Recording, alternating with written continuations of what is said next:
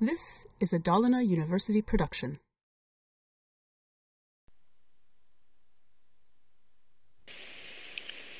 Vi ska titta på ett litet program där man adderar två tal och sen visar eh, summan av, de här, av den här additionen.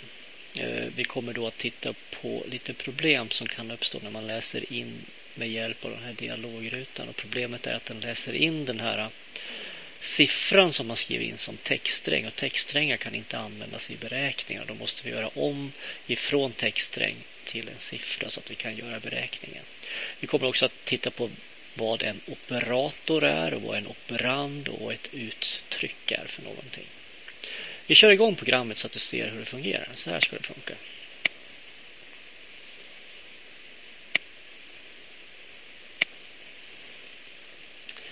Vi får upp en sån här prompt. Jag läser in den första siffran 10. Läser in nästa siffra 12. Och vad är 10 plus 12? Det ska vara en 22. Och då skriver jag lite The sum is 22. För att lösa det här programmet då så ska vi skriva lite kod och den tittar vi på nu.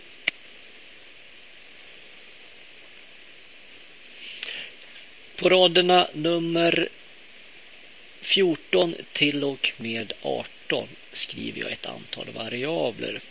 Jag har ju sagt tidigare att för att kunna hålla data i ett program så måste man skapa variabler. Och I de här variablerna så lägger man olika information, olika data som man behöver längre fram i programmet. Eh, jag behöver först en variabel som heter first number. Det är den eh, siffra som användaren skriver in via dialog, den här prompten. Eh, second number är den andra siffran. Och sen så har jag två stycken variabler, number one och number two. Eh, de kommer att innehålla eh, den riktiga siffran så att säga. För first number kommer innehålla en textsträng. Alltså siffran 10 representeras som en textsträng. Och jag sa ju tidigare att det kan man inte använda för beräkningar. Man kan inte slå ihop, addera två stycken eh, textsträngar utan det måste vara riktiga tal. Och då kommer de här number och två innehålla eh, de här talen. Och samvariabeln innehåller summan av, num av eh, den här adderationen. Eh, på rad nummer 21 här nu då. Så skriver jag First number är lika med window prompt, enter first integer och så har vi ett default-värde 0 där. Eh, ni ser att jag har bytt den på och tagit en ny rad här. Det är bara för läsbarhetens skull. Eh, det som avslutar en programsats är alltid det här semikolonet. Så jag kan göra en radbrytning så här för att det ska bli lättare att läsa. Men det här är samma sak om du ser att det ser ut på det här viset. Så. Men jag kan göra en radbrytning så här för att det ska bli lite lättare att läsa. För det är det här semikolet som avslutar eh, programsatsen eller programraden. Så där läser jag in då ifrån dialogrutan till den här variabeln first number. Då läser jag in det som skrivs det som textsträng även om jag skriver siffran 10 eller 12. Så läs det in och sparas som en textsträng. Eh, rad 25-26 här nu eh, så läser jag in ifrån dialogrutan nästa siffra och sparar den i second number i den variabeln. Eh, rad nummer 29 och 30. Det här jag gör den här konverteringen ifrån sträng till heltal eftersom eh, jag inte kan addera strängar. Jag kan slå ihop dem, konkatenera, men jag kan inte addera dem. Och Då måste jag göra om den här textsträngen som first number innehåller. Även fast vi tycker att det står siffran 10 där så måste jag göra om den till till ett tal. Och det gör jag med den färdiggjorda funktionen som heter parseint och den finns i JavaScript-språket. Så den är med som en global funktion i JavaScript-språket. Parseint, den tar ett argument, nämligen den textsträng variabel som, eh, som innehåller den här siffran. Så den tar då den här first number och det värdet den siffra som jag har skrivit in. Så gör jag om den och parsint och returnerar då till den här number one.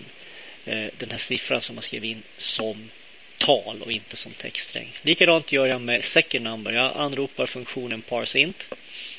Eh, skickar med den här second number som då innehåller till exempel siffran 12 som textsträng. Gör om den med hjälp av parsint och returnerar till den här variabeln number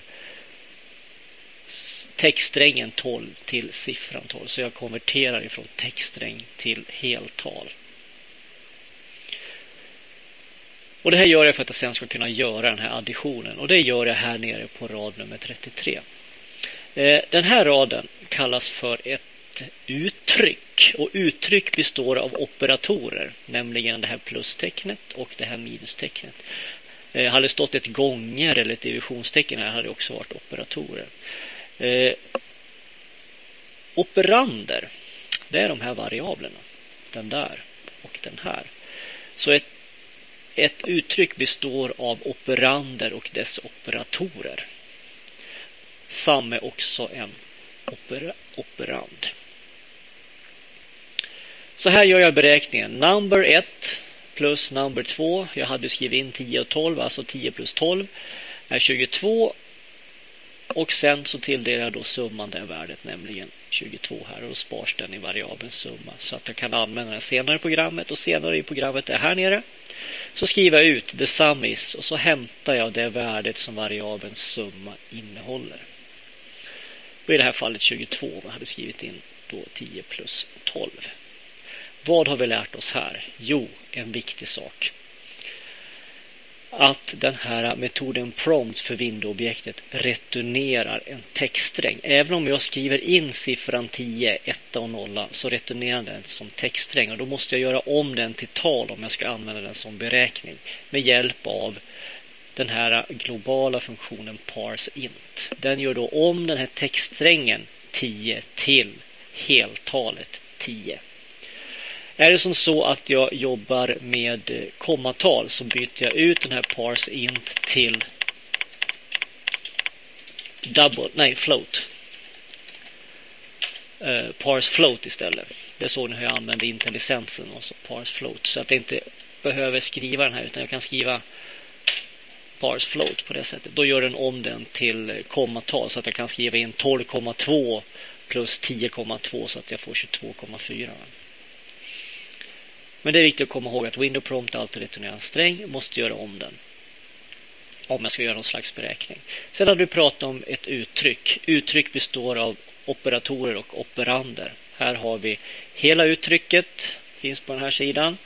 Eh, den består av den här eh, operanden och den och den operatorn.